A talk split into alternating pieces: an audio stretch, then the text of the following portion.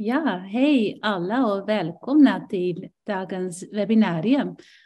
Um, idag kommer vi att prata om, um, om trombosbehandling hos cancerpatienter. Um, ämnet är akut onkologi. Um, ehm, Magnus Lagerlund och Margareta Holström har gjort ett jättearbete med att uppdatera ehm, eh, um, uh, vårdprogrammet om akut onkologi. Det har kommit ett uh, avsnitt eller kapitel om just uh, det här ämnet, trombosbehandling. Uh, och det är det ni kommer att fokusera på idag. Och det tycker jag är från mitt perspektiv mycket relevant eftersom trombos är ju ett väldigt vanligt förekommande biproblem kan man säga hos eh, våra cancerpatienter och hur man behandlar eh, trombos har ju förändrats. Det finns nya mediciner som fungerar lika bra, eller hur Margareta, och lika säkert som det som vi brukade använda för trombosbehandling. Så jag tror att det här är väldigt värdefullt och relevant för oss alla som jobbar inom onkologi att, eh, att få en uppdatering om. Ni får gärna dra igång tycker jag med, med presentationen. Och vill ni introducera er själv eller vad vill ni? Vill ja. ni introducera varandra annars? Nej, vi kan introducera oss själva tänker mm. jag. Ja, Magnus Laglund heter jag, är då eh, onkolog i Kalmar, är verksamhetschef och överläkare och också ordförande i vår nationella vårdprogrammet för akut onkologi. Eh, och då har vi ju fått glädjen att utöka akut onkologi då med den här bilagan. Vi ska berätta lite mer om den också. Och den är ju, hästjobbet är inte jag som har gjort utan det är Margareta Holmström med kollegor. Så Margareta, du kan väl presentera dig? Ja, hej allihop. Jag heter Margareta Holmström. Jag är eh, överläkare, biträdande professor i Linköping och Linköpings universitet och jobbar till en del även på Karolinska eh, sjukhuset. Eh, jag är internmedicinare och hematolog och eh, även specialist i det som heter koagulations och blödningsrubbningar. Och jag fick då frågan från Magnus här eh, för ja, ett och ett halvt år sedan tror jag det är nu, att vara ordförande i den här arbetsgruppen och det har varit ett jättetrevligt samarbete. Jag kan komma tillbaka till det. Får jag bara hoppa in och säga att mm. om ni som har kopplat upp er här frågor, då hoppas vi alla att ni eh, känner er fria att ställa dem i chatten som ni ser i fönstret. Det är bara att skriva, jag bevakar frågorna. Vi kommer troligen att spärra alla frågor till slutet av eh, föreläsningen, men ställ alla frågor som ni, som ni har och gärna vill lyfta. Tack. Tack så mycket. Då kör vi igång lite grann. Eh, akut onkologi och det som precis som eh, Renske och Margret sagt, det är fokus på den nya bilagan trombos och behandling eh, eh, idag. Eh, och eh, agendan har vi tänkt så här att vi ska prata lite grann om uppkomsten, en liten historia, det är varför vi har ett nationellt vårdprogram akut onkologi och upplägget och sen kommer då trombos och behandling. Och som, som precis Renske sa så är det dags möjlighet för frågor. Och hon kommer sitta och rensa, är något akut som man skulle behöva ta så kommer ju hon bryta in, tänker jag. Ja. ja, i det här så ligger en del länkar då till vårdprogrammet akut onkologi och till bilagan då. Jag går inte in på dem här utan jag kommer visa lite mer framöver. Och den senaste versionen då eh, fastställdes eh, och publicerades den, 20, den 11 april i år. Men en bakgrund, det var så att det började med ett mejl eh, till några eh, ute i landet, bland annat till mig, eh, ifrån RCC Samverkan, eh, eh, där de frågade, skulle vi behöva ha ett eh, nationellt vårdprogram akut onkologi? Och jag personligen känner så här, inte ett vårdprogram till. Vad ska vi ha? Ja, det här kan vi ju redan. Varför ska vi ha det här för? Eh, men jag tänkte, eh, ja, jag kan ju ibland eh, förhasta mig och fatta snabba beslut och eh, springa iväg. Men jag tänkte jag fråga mina kollegor eh, på kliniken här i Kalmar och då säger de så här, ja, men tänk på alla patienter som söker runt om i, i Sverige på olika ställen där det inte finns onkologer. Skulle det inte vara bra att ha ett vårdprogram för dem? Och på, på så sätt rullar det på, så jag ändrade, eh, eh lyssnade och ändrade mig och skrev då ett ganska långt svar till RCC och det kanske man inte borde ha gjort om man inte förstod att det skulle generera att man skulle bli ordförande i vårdprogrammet, eh, gruppen då som jag blev. Eh, eh, men då började vi med att, att diskutera liksom, eh, vilken utformning ska vi ha och vilken målgrupp? Och det tog ju en stund innan vi liksom fastnade för den där målgruppen. Eh, eh, och vi tänkte mycket och det tog ju också kollegorna i Kalmar upp att Eh, gruppen cancerpatienter ökar ju och alla träffar dem på olika ställen i, i, i vården. Och detta med tanke liksom på att all, fler patienter eh, lever längre med sina cancerdiagnoser eller blir botade och det blir vanligare och vanligare då med symptom utav ens eh, sjukdom eller sin behandling. Så då började vi arbetet och då eh, återkommer till vilka bland annat som har ingått.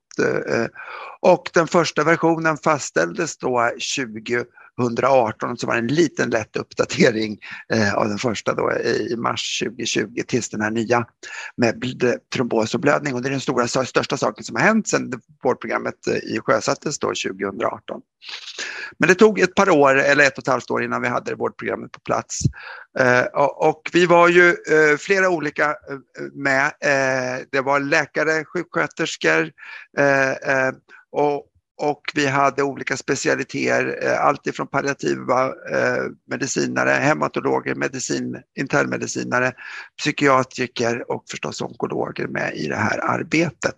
Och syftet med vårdprogrammet var då att uppmärksamma allvarliga symptom och tillstånd som kräver, hos cancerpatienter som kräver akuta åtgärder. Eh, eh och detta oavsett var i vården patienten söker. Och vi vill ju sprida den här kunskapen om behovet av akut omhändertagande för olika tillstånd i syftet då att försöka få en mer likvärdig vård i landet. Eh, och eh, nytt för det här är ju då den här trombos och blödning som ett fristående dokument och till skillnad ifrån det nationella vårdprogrammets kapitel som vi ska titta lite grann på hur det är upplagt så vänder ju sig, den, bilagan vänder ju sig till oss som jobbar inom onkologi och hematologi eh, eh mest till största del. Medan de andra delarna i, och, eh, skiljer ju sig eh, ut för att det vänder sig till patienter oavsett var i vården man möter och kanske inte främst då till oss som jobbar med cancer till vardags, utan det här kan ju vi på ett annat sätt. Utan det här handlar om att vad ska man göra akut? Eh, eh, och det är ju för vuxna patienter som har eller haft en cancersjukdom och som drabbas av akuta tillstånd till följd av sjukdom eller behandling, oavsett tumörgrupp. Det finns ju evidens och eh, men bygger mycket på beprövad erfarenhet. Så det här till nationella vårdprogrammet så finns det inga långa listor på eh, referenser utan vi har mer länkar till olika andra dokument. Då. Vilket också är en skillnad på den bilagan som Margareta sen ska presentera. Och man tar upp det akuta tillståndet och inte liksom det här vad som händer sen och den fortsatta behandlingen där vi onkologer eh, och hematologer och andra som eh, behandlar cancerpatienter kommer in. Då. Vårt, det akuta vårdprogrammet tar upp 19 tillstånd. Allt ifrån då, eh, anemi fram till eh, eh, vena cava superior syndrom kan man väl säga då, med olika kapitel. Då utgår det liksom ifrån något eh, eh, eh som vi har i början av vårdprogrammet som heter symptomöversikt. Och då är det klickbart eh, i webbversionen. Så klickar man på Eh, om man tar upp har en patient med andningspåverkan och sen klickar du på eh, kapitlet vena cava superior syndrom så kommer du dit och ser du vilka, vilka akut onkologiska tillstånd som eh, kan gå med andningspåverkan. Och varje tillstånd sen är upplagt så väldigt systematiskt och strukturerat liksom med bakgrund till varför, symptom, inledande behandling, observandum översikt över fortsatt behandling. Det här kan ju skapa ett intresse liksom framöver. Liksom, vad, vad kommer hända efter det här då? För mycket bygger på att man ska göra den här första insatsen var, oavsett var patienten kommer och sen tar man kontakt med sin eh, behandlande klinik som har hand om själva behandlingen. Och sen finns det länkar också till, till olika ställen, eh, olika, eh, framförallt mycket nationella vårdprogram men även andra olika typer av algoritmer eller andra vårdprogram eh, eller riktlinjer som finns inom de olika. Jag tänkte visa två saker, nu ska vi se om det här funkar, vi har testat innan. Dels är det då ryggmärgskompression och det här är ju en som onkolog så vet man att det här är en av de eh, akuta sakerna som ofta kommer fredag eftermiddag. Patienter som söker då eh, på grund av neurologiska symptom för att det trycker mot ryggmärgen. Och då är det upplagt, precis som jag sa förut, med en bakgrund alltså där det står väldigt kortfattat om själva tillståndet, vilka symptom patienten har då, smärta, här står det neurologiska symptom. Och så kommer man då till inledande handläggning. Och det här ska man ju då kunna göra oavsett var man befinner sig i vården.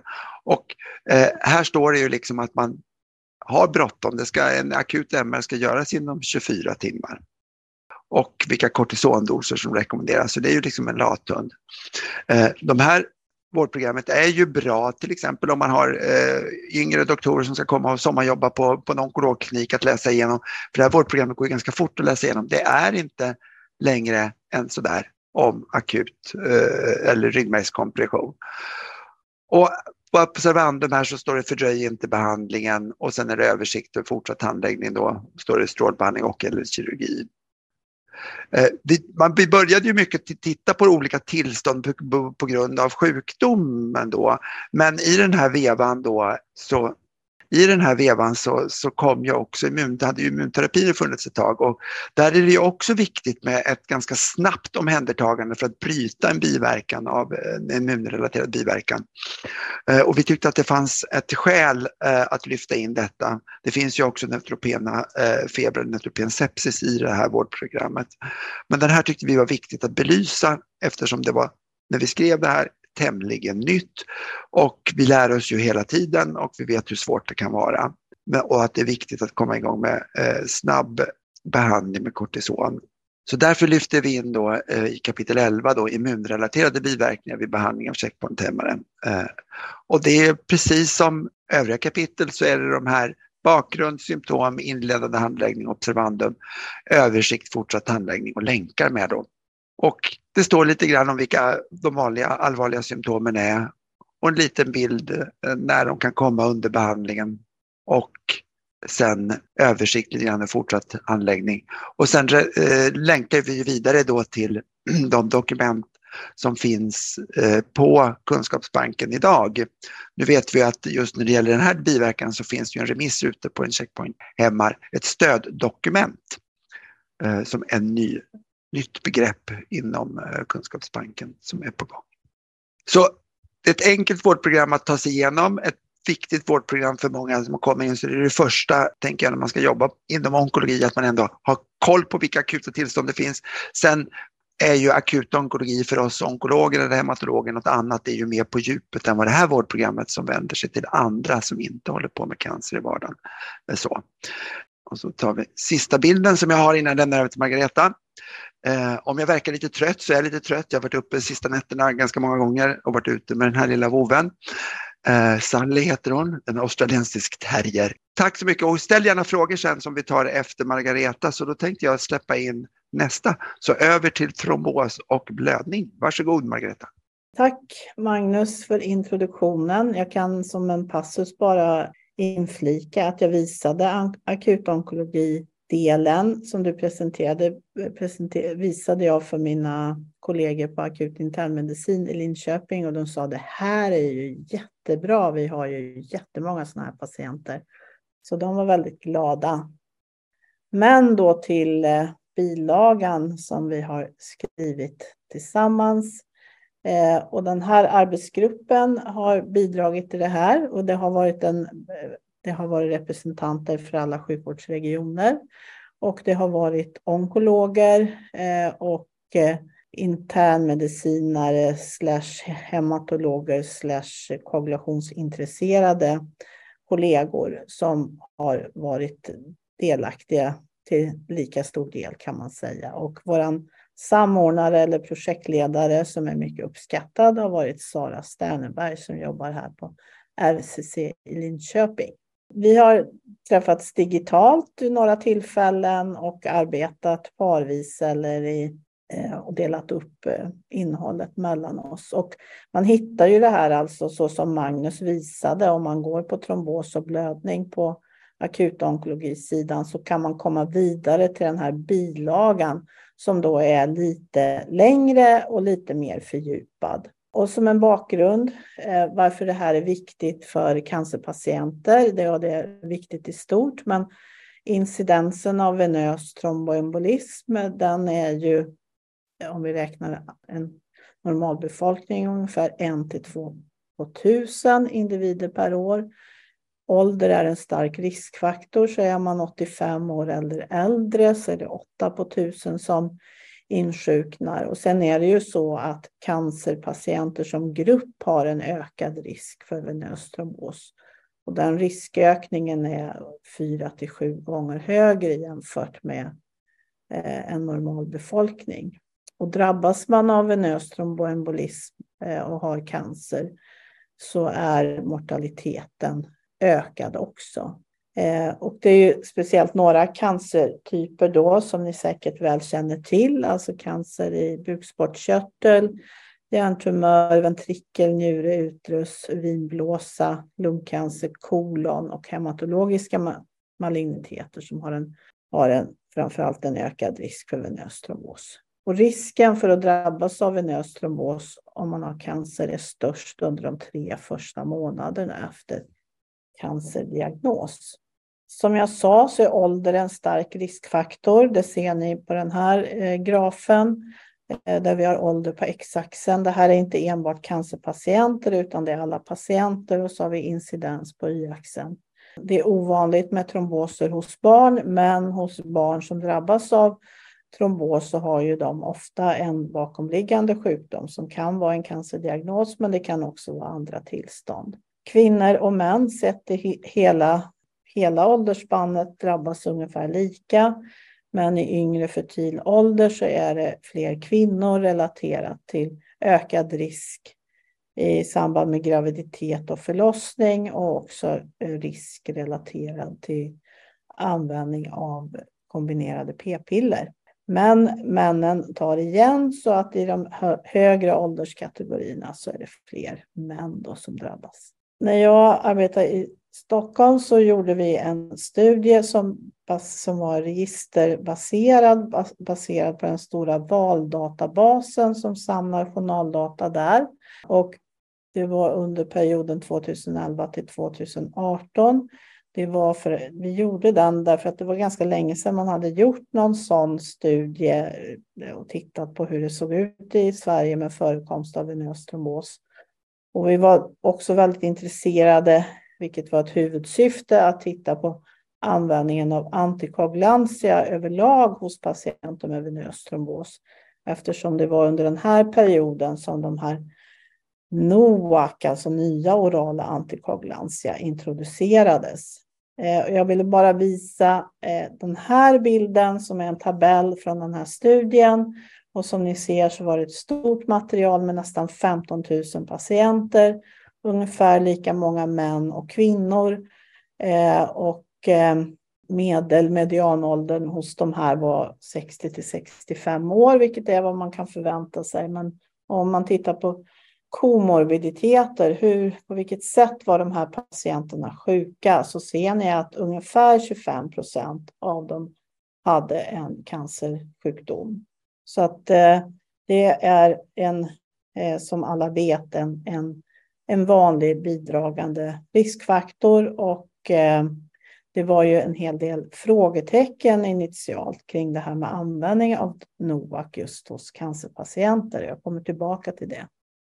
I det här eh, bilagan till vårdprogrammet så, så har vi mest fokus på venös trombos på vanligt ställe. Och då, vad är vanligt ställe? Jo, det är i benet. Djup ventrombos i nedre extremiteten är det allra vanligaste och sen eh, lungembolier. Men vi beskriver även handläggning av och behandling av eh, tromboser i övre extremitet, inte minst relaterat till olika centrala infarter. Och lite översiktligt så tar vi också upp eh, andra alltså bukvenstromboser med centralvenstrombos, portavenstrombos. Vi skriver också om sinustrombos eh, och en del andra och varialvenstrombos och så. Och det kallar vi då venös trombos på ovanligt ställe eller venous thromboembolism eh, on an unusual site, vilket man ofta skriver då i engelsk litteratur riskfaktorer, förstås kan cancerpatienter, de kan ju ha andra riskfaktorer för, för trombos förutom eh, cancer. De kan, ha, de kan vara överviktiga, de kan ha någon koagulationsrubbning, eh, de kan vara gravida eller ha hormonbehandling. Eh, de kan vara opererade på grund av sin cancersjukdom. Och allt det här kan orsaka då trombos. Så, så venös trombos och arteriell trombos är även i den här gruppen en, en eh, ofta en multifaktoriell sjukdom. Så och eh, vi hinner inte gå in liksom exakt på hur koagulationssystemet påverkas av cancer, men dels är det så att cancerceller kan utsöndra ämnen som direkt går in och, och eh, stimulerar i koagulations kaskaden. Eh, man kan få endotelpåverkan av olika typer av cytostatika och så. Man kan få akutfasreaktioner och påverkan på koagulationsfaktorer som gör en mer trombosbenägen både på artärsidan och på bensidan. När vi behandlar, om vi börjar med patienter med venös tromboembolism, så är målet eh, vid behandling om vi har en patient med djup ventrombos i benet, ja, Dels vill vi förhindra att patienterna får lungembolier.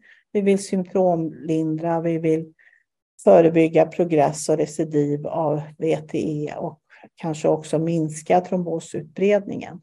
Med de nya antikoagulantia som vi har idag så har, man ju då, har vi ett preparat som heter Dabigatran, Pradaxa som är en trombinhämmare. Sen har vi Rivaroxaban som är Xarelto, Apixaban som är Likvis och Edoxaban som är Lixiana. I dokumentet så har vi valt att eh, vi skriver inte så mycket om trombinhämmare för där finns det inte eh, singelstudier på patienter med venös trombos och cancer, vilket ju finns för de här perorala faktor 10-hämmarna. Vi skiljer inte ut de här olika preparaten när det gäller rekommendationer, utan vi skriver peroral faktor 10A hämmare, utom i vissa tabeller. Så att vi, vi har inte gett ett preferens för, för något av preparaten eh, vad det gäller behandling av venös trombos hos patienter och cancer. Men vi vill lyfta fram att det här är en, en eh, bra möjlighet för många patienter och eh, cancerassocierad trombos. Blödningsrisk eh, finns förstås och där har ju cancerpatienter till följd av sin grundsjukdom och kanske behandling också en ökad blödningsrisk. Den mest fruktade blödningskomplikationen är ju intracerebral eller intrakraniell blödning. Eh, men den är ju dock lägre med de här direktverkande orala antikoagulantia. Vi använder benämningen DOAC nu. Vi tycker inte att de är NOAC längre. Men den är lägre med DOAC. Nu försöker jag med hjälp av eh, bilagan lotsa er, igenom några fall. Eh, och nu kanske någon onkolog tycker att, att det här är, kan ha invändningar på att jag inte har beskrivit det ena eller andra. Men jag har gjort så gott jag har kunnat i alla fall. Här har vi nu en 46-årig kvinna och hon har drabbats av ovarialcancer. Hon har pågående kemoterapi. Hon fick för två månader sedan en pickline i eh, vänster arm och nu kommer hon på besök till er och anger att hon är, är svullen i armen och hon har värk där eh, sedan några dagar tillbaka. Och detta noteras även när du undersöker patienten. Ultraljud visar då att hon har en ganska utbredd venös trombos i vena brachialis, subclavia upp mot vena axillaris. Du har alltså bekräftat diagnosen DVT och nu vill du uppdatera dig på vad man säger om, om de här, den här typen av trombos i vårdprogrammet, eller bilagan då, vad gäller behandling. Eh, och då har vi skrivit så här i avsnitt 1.4 och sitter du uppkopplad vid datorn så kan du titta själv alldeles nu, men där skriver vi då om trombos i anslutning till central venös infart eh, där vi då inkluderar pickline och subkutan benport, CVK och midline. Eh, och att man då kan behandla antingen med direkta orala antikoagulantia eller lågmolekylärt heparin i behandlingsdos. Eh, vi skriver också att man kan använda infarten om den fungerar och att man behöver behandla i minst tre månader men längre om det är så att infarten planeras eh, sitta kvar längre än så. Mm. Tar man bort infarten så bör man ha behandling minst en vecka efter borttagande eller efter individuell bedömning.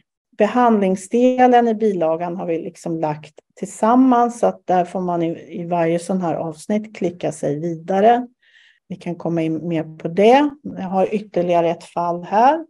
Det här är en man då med en nyupptäckt koloncancer. Han planeras för eh, hemikolektomi inom två veckor eh, och eh, han har nu söker bara något dygn efter att han har fått diagnosen eftersom han har fått en djup ventrombos. Han har blivit, bens, han har blivit svullen i benet och han har fått en proximal djup ventrombos. Proximal betyder att trombosen går eh, minst upp till vena poplitea, eh, men också eh, kan vara upp i låret förstås. Och då vill vi återigen uppdatera oss här på val av behandling. Är det så att eh, vad ska man välja? Ska man ge lågmolekylärt heparin eller hur, hur har vi nu formulerat detta i bilagan? Och då har vi skrivit så här. Man kan säga att de här olika DOAC-preparaten, de har ju inte jämfört sig med varann i någon studie, men för alla faktor 10-hämmare så finns det ju jämförande studier mot lågmolekylärt heparin. Så de har jämfört sig med lågmolekylärt heparin. Och utfallet i studierna har varit eh, i många fall fördelaktigt till förmån för peroral faktor 10-hämmare. Och eh, så i första hand så rekommenderas peroral faktor 10-hämmare vid cancerassocierad trombos. Nu kan man resonera just i den här patientens fall då som som eh, snart ska opereras, även om man inte har fått en operationstid, att skulle det vara en fördel med lågmolekylärt heparin och så vidare. Men har man en planerad operation och så kan man ju sätta ut förstås preparatet i tid innan operation. Och vi, jag kommer visa en liten tabell på det sen. Vi har också skrivit en passus här om vilka patienter som vi tycker ändå eh, fortsättningsvis i första hand att vi rekommenderar lågmolekylärt heparin. Eh, och det gäller patienter som har en befintlig intraluminal tumör i övre GI-kanalen. Primär hjärntumör eller hjärnmetastaser, akut leukemi, annan hematologisk malignitet med ökad blödningsrisk. Eh, om det finns risk för interaktioner med DOAC, eh, och där kommer jag visa en tabell om en stund där, som vi ska försöka hålla uppdaterad. För att det här med interaktioner är ju en ganska svår sak egentligen och det är helt omöjligt att hålla reda på vilka läkemedel som interagerar med DOAC och inte. Uttalade illamående och kräkningar, trombocytopeni, grav leversvikt, EGFR under 30, extrem undervikt eller övervikt. Det här är sådana tillstånd där vi i arbetsgruppen har tyckt att, att det kan vara så att man, att man ska, där vi tycker att man i första hand ska hålla kvar vid lågmolekylärt heparin, men för andra patienter Eh, så är DOAC ett förstahandsval eh, då. Ja, hur länge ska man behandla? Eh, ja, minst sex månader och längre tids behandling med antikoagulantia. Alltså om man har fått en trombos, längre tids behandling med antikoagulantia rekommenderas om patient har aktiv cancersjukdom med kvarvarande tumör eller har pågående antitumoral behandling eller har en metastaserad cancersjukdom. Undantag då är kateterassocierad trombos som i vårt första fall där minst tre månaders behandling rekommenderas. Vi har inte heller, vi skriver, ingen, vi skriver också att vi inte generellt rekommenderar att man ska dosreducera antikoagulantia vid behandling av cancerassocierad trombos eh, när man använder sig av eh, DOAC. Om man skiftar från lågmolekylärt heparin till de här perorala DOAC-preparaten så, så kan man ju byta från ena dagen till den andra. Ja, eh, är ni redo för ett fall till? Här är då en man som fyra veckor tidigare insjuknade med en vänstersidig djup bentrombos och lungembolier på segmentartärnivå. Han var tidigare frisk förutom hypertoni. och Han sattes in på sedvanlig dos av peroral faktor 10-hämmare. Nu kommer han in med en trombos i andra benet och eh, accentuerade andningsbesvär och han har nu också fått nya eh, tillkomna lungembolier. Hur gör ni nu med patientens antikoagulantiabehandling? Det här är en ganska vanlig konsultfråga till oss som jobbar med, med koagulationssidan och eh, hur ska man nu tänka? Och det har vi försökt lista då i den här tabellen i, eh, i bilagan, att man förstås kan kontrollera att patienten har tagit sin antikoagulantiabehandling eh, och det eh, gör man ju ja, oftast får man ju liksom bra information från patienten, men om man misstänker att det är dålig compliance så finns det ju mätmetoder för att analysera även de här DOAC-preparaten. Kolla att patienten har tagit rätt dos, kolla om det finns några potentiella interaktioner som skulle kunna minska behandlingseffekten av DOAC. Eh, om patienten har behandling med lågmolekylärt heparin, nu var det inte så i det här fallet, så ska man tänka på att utesluta det som heter heparininducerad trombocytopeni som, är en, eh, paradox, som ger en paradoxalt ökad trombosbenägenhet både på artär och bensida. Eh, om patienten har heparinbehandling, det hade han inte, men då kan man också kontrollera antitrombin och antifaktor 10A och man kan tänka sig att kontrollera DOAC koncentration och eventuella antifosfolipid-antikroppar. Men den allra vanligaste eh, orsaken förstås, nu är det här skrivet som att det här redan är en patient med cancer, men i den här patientens fall så kände man ju inte till cancer e-, egentligen, men hos en sån här patient så ska man ju i första hand tänka att det här är cancerutlöst. Eller det kan finnas en bakomliggande cancersjukdom. Och man upptäckte då att han hade påverkan på leverprover och det framkom när man pressade anamnesen att han hade en buksmärta, sen bukryggsmärta till en, sen en tid tillbaka och eh, man upptäckte att han hade pankreascancer som ju är en, en väldigt trombogen cancer och som kan eh, presentera sig på det här sättet. Och då eh, i det här fallet hur vi skulle göra med behandlingen så har jag ingen särskild bild på det. Men, men där, där eh, givet att han har tagit sin behandling med, med peroral faktor 10-hämmare i adekvat dos så skulle vi rekommendera att man byter till lågmolekylärt heparin och eventuellt om han ytterligare progrederar så kan man öka dosen av lågmolekylärt heparin också.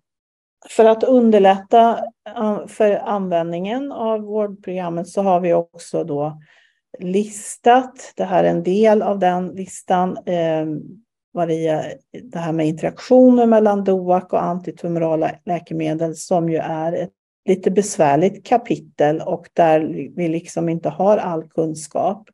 Eh, och där skiljer ju sig eh, Apixaban, Rivaroxaban Eh, som går mer på CYP3A4 än vad till exempel Edoxaban och Lixiana gör som går mer på PGP. Så att, eh, det här kan man inte läsa utan till, men det här kan man ha som ett hjälpmedel då om, för att se om det är möjligt eller om vi avråder från användning med DOAC. Jag tror att vi håller tiden ganska bra, så att jag tar det här fallet också. Och det här är en av dina patienter på avdelningen som ska genomgå en ultraljudsledd pleuratappning. Och den här patienten har också en ovarialcancer. Hon har sedan sex veckor tillbaka behandling på grund av lungembolier med Rivaroxaban, Sarelto alltså, som man ger i endos, då 20 milligram per dag. Hennes laboratorieprover ser eh, ut så här. Och Eh, hon har lite förhöjt PK. Det kan man förklara med rivaroxabanbehandlingen. Hon har ju väsentligt normala trombocyter och är lite anemisk. Och då undrar, får hon tid för ultraljudsledd pleuratappning imorgon? Och då är frågan, hur länge måste man sätta ut rivaroxaban innan hon ska genomgå det här ingreppet? Eh, det är inte så akut att det inte kan vänta till imorgon. Och då så har vi i bilagan eh, några sidor på slutet som gäller då olika typer av ingrepp och hur man ska se på att sätta ut antitrombotisk behandling. Eh, och då ser det här kanske lite rörigt ut, men jag ska försöka guida er att dels så måste man titta på själva ingreppet. Har det en hög blödningsrisk eller alltså risken med att om det blir en blödning får allvarliga konsekvenser för patienten. Dit hör till exempel spinal anestesi, neurokirurgi. Eller är det låg risk, inte lika stor risk och dit hör då pleuradrän, vilket den här patienten var aktuell för.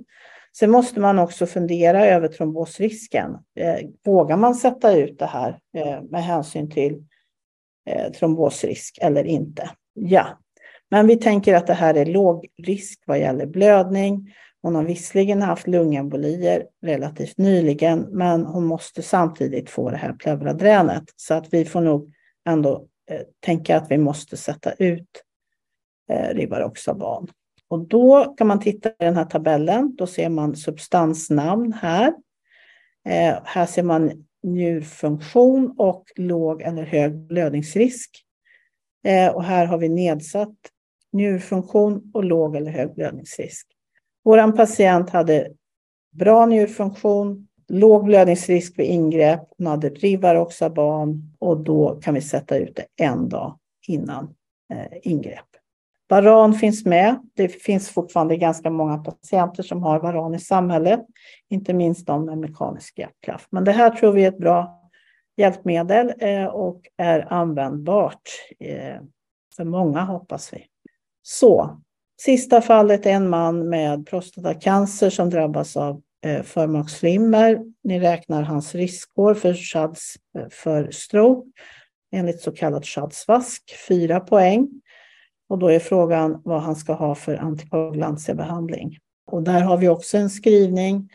Här är det ju så att här rekommenderar eh, vi DOAC i första hand och E, evidens finns egentligen inte alls för lågmolekylärt heparin, även om vi vet att det används. Eh, I vissa situationer eh, går det inte att ge DOAC till de här patienterna eh, och då kan man så att säga undantagsvis ändå använda sig av lågmolekylärt heparin.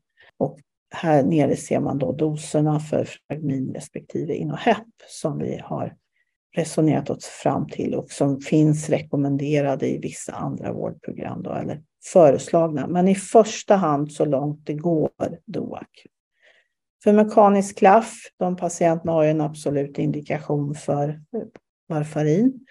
DOAC är inte eh, godkända eh, och det är ju samma sak här att man får behålla varombehandlingen så länge det går, men om det inte går så, är, så får man i så fall ersätta, även om det är dålig evidens för det, lågmolekylärt heparin. Så det finns också ett avsnitt om hur man kan handlägga blödningar hos patienter med cancer, både relaterat till antikoagulantia och trombocythämmande behandling, eh, men även blödningar överhuvudtaget. Och det avsnittet hinner inte jag riktigt gå in på nu, men det får ni titta på själva. Så, nu har jag kommit till slutet. Så hoppas jag att det finns frågor till Magnus och mig. Fantastiskt, eh, Margareta Margareta Magnus, för ett fint och, och, bra översikt, men framförallt också ett väldigt användbart eh, vårdprogram. Um, ehm, och väldigt um, riktiga patientfall som vi säkert alla känner igen från, eh, från daglig praxis. Eh, kan jag själv säga i alla fall. Jag, eh, det kom en fråga om interaktioner eh, mellan DOAC och SSRI, SNRI, som många av våra cancerpatienter står på också. Kan du kommentera, för du visade den fina tabellen och den, den finns i bilagan också, men hur är det med andra läkemedel, som till exempel SSRI? Alltså SSRI, då ökar ju blödningsrisken och alla antikoagulanser ökar blödningsrisken. Jag kan inte alla interaktioner i huvudet så kan jag säga, men, men det är klart att eh, anti, den typen av antidepressiva kan ju ge en påverkan på trombocyterna och ökad blödningsrisk. Så om vi tänker på just den saken, så, men där brukar vi säga att, att man ska Dels är det inte alla patienter som får en ökad liksom blödningsbenägenhet och eh, av antidepressiva och att det är viktigt att behandla nedstämdhet och depression på ett adekvat sätt. Mm. En annan fråga som jag själv undrade, brukar du rekommendera stödstrumpor för patienter med venös trombos i benet? Ja, det brukar jag göra om de patient... Förut var det där väldigt rigoröst att man skulle ha stöd och sen kompressionsstrumpa. Sen har det ju kommit ny evidens för det, men om patienten har besvär från benet, ja, så, så rekommenderar jag det. Dagtid när man är uppe, inte, inte när man ligger ner i sängen eller i, när man sover på natten. Det eh, finns ju inte egentligen några kom, kontraindikationer för det. För kompressionsstrumpa är det väl egentligen bara liksom arteriell insufficiens som, som möjligen kan bli sämre av kompressionsstrumpa. Men mm. vid symptomgivande besvär från benet, ja. Mm. Mm. Jag har en fråga till dig Margareta. Jag tänkte på, i, i dokumentet där så du lyfte upp den listan också när man borde överväga eh, lågmolekylärt heparin och inte ja. DOAC. Så mm. skrev du hjärnmetastaser. Kan du utveckla det? Gäller det alla med hjärnmetastaser, även de vi har koll på, de som inte har ökad blödningsrisk? För vi har ju några sådana, typ ja, eh, melanom ja. och njurcancer som ändå ökar blödningsrisk ja, äh, nej, men, nej, men det är riktigt att man måste. Mm. Det fanns ju några, jag hann inte riktigt gå in på det, det fanns nej. några stjärnor och kommentarer Precis, det var... kring, just kring hjärnmetastaser. Mm. Och, och, den där listan är ju inte absolut på det nej. sättet, men vi har försökt ändå peka ut grupper som kan ha en ökad blödningsrisk och där kanske liksom inte DOA, där inte DOAC är primärt det man ska ge. Men det är precis som du säger. Nej, men då har jag förstått den här asterixen ja, ja. rätt. Liksom, jag, läste mm. jag visade inte vad de där stjärnorna Nej, nej det vet jag inte. Jag var lite otydlig. Nej, det var du inte alls. Det var super, mm. superbra. Mm. Var det några mer frågor, Renske, som du...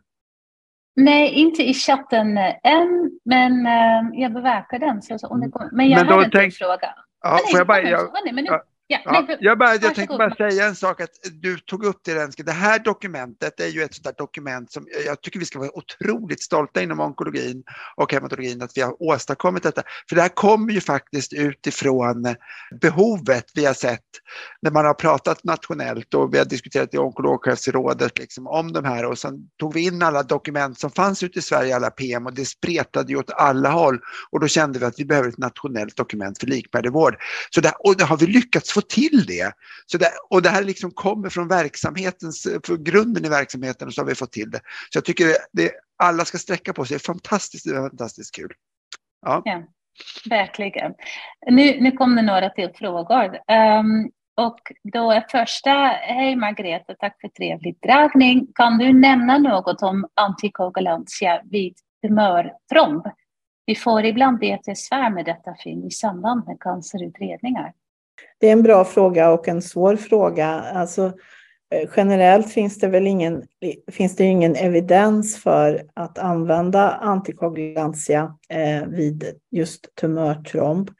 Sen kan man alltid fundera på om den här tumörtromben i sig liksom kan göra, utgöra risk för ytterligare trombotisering och så. Eh, vi har inte tagit upp det i den här bilagan, men jag ska lägga det på minnet för att jag antar att vi kommer ju att uppdatera och att det här är kanske någonting som är värt att kommentera. Min erfarenhet är att de här patienterna ändå ofta blir föremål för någon typ av trombosprofylax just för att man är rädd, av, på, ja, rädd för progress av trombos på själva tumörtromben. Men jag vet inte om det är ja, det, det, är en sån där diskussionsfråga, verkligen. Ja, det är svårt. Nästa fråga. En patient med pågående kemoterapi och pickline trombos har behandlats med DOAC i tre månader och byter då till en PAC, till en subkutan venport. Mm. Bör DOAC-behandling då fortsätta eh, med hänsyn till ny PAC, även om det är mindre trombosrisk än picklinen? Nej, men jag, jag nu håller jag mig till som vi har skrivit att när man har tagit, om man har pågående behandling, man har behandlat tre månader då för en pickline associerad trombos som vi, pickline vet vi ju ger en högre risk för trombos. Om man sen byter, byter till port så tycker jag inte nej, att det är självklart att man fortsätter med antikoagulantia då. Är det farligt att, att dra en pickline direkt när man upptäcker trombosen? Det vet vi väl inte riktigt, men vi brukar ju ofta ge rådet att man faktiskt ska behandla eh, upp till en ja, fem, sju dagar innan man drar den. Eh, ja. För att alltså man vet ju inte riktigt i vilken fas den här trombosen är. Om den, det är ju ändå en färsk och nyupptäckt trombos så att dynamiken där, att någon, det finns ju en risk att någonting skulle kunna lossna från själva spetsen och, och hamna mer proximalt i, i övre extremiteten eller i lungorna. Mm. Nästa fråga. Hoppas det kommer en fråga till Magnus också, annars får du svära också Magnus. Men, Nej, men det är bara bra. Det här, ja. Ja, ja. Är behandlingsindikationen för SVT detsamma för cancerpatienter och icke-cancerpatienter? Alltså, jag antar att ni menar tromboflebit då, eller ytlig bentrombos? Ja, jag vet inte heller. Jag undrade också om det är venös tromboflebit eller supraventrikulärt takykardi. Det kan finnas olika förkortningar som... Om det gäller tromboflebit eller ytlig ventrombos så är, så är, det, ju, är det ju samma, ja. Vad brukar du rekommendera i så fall? Ja, i, i, här skiljer det sig lite också åt. Egentligen är det så att vi, vi tromboflebit är den bästa do, dokumentationen med Fondaparinux. Men, men i de flesta fall är det ju lågmolekylärt heparin som är aktuellt i de här fallen för cancerpatienter. Sen kan man nog, det finns vissa data som tyder på att man sen kan gå över till peroral faktor 10-hämmare. Men dels lokalbehandling med, med gel och sen eh, i så fall lågmolekylärt heparin. Men visst finns det ett avsnitt om det i eh, Ja, det finns ett avsnitt om det. Mm. Vi, har inte skrivit in, vi har inte skrivit in någonting om Fondaparinux för den patientgruppen här, just med cancerpatienter. Det är ett preparat som har längre halveringstid och är lite trixigare att använda. Så att Därför är det lågmolekylärt heparin och lokalbehandling. Mm. Mm. Nästa fråga, hur mycket ska man utreda för cancer vid insjuknande i DFT utan utlösande faktor?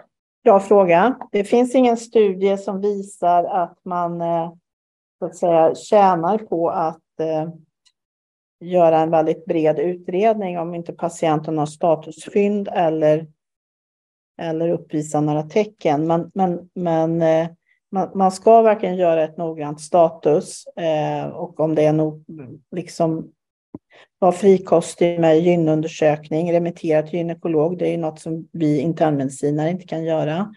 Kolla när de har varit, om det är kvinnor, varit på mammografi senast, känna på prostata och så vidare. Utreda eh, kliniska fynd och eh, om det framkommer anamnes. Eh, men man minskar inte mortaliteten i cancer genom att göra till exempel väldigt extensiv CT-undersökning på patienter som inte har symptom.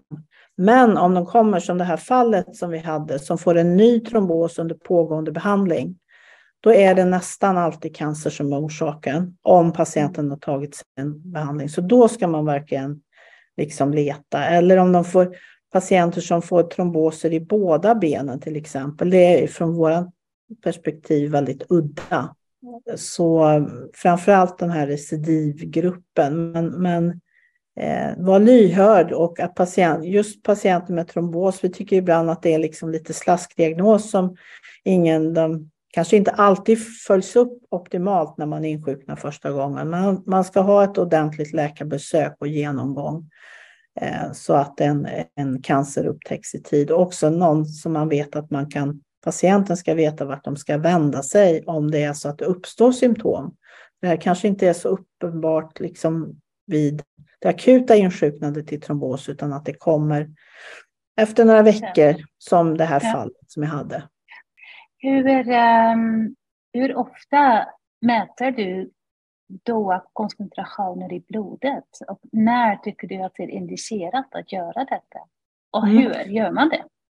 Nu ska jag bara stoppa i laddaren, ja, annars kommer det hända något tråkigt med min dator här.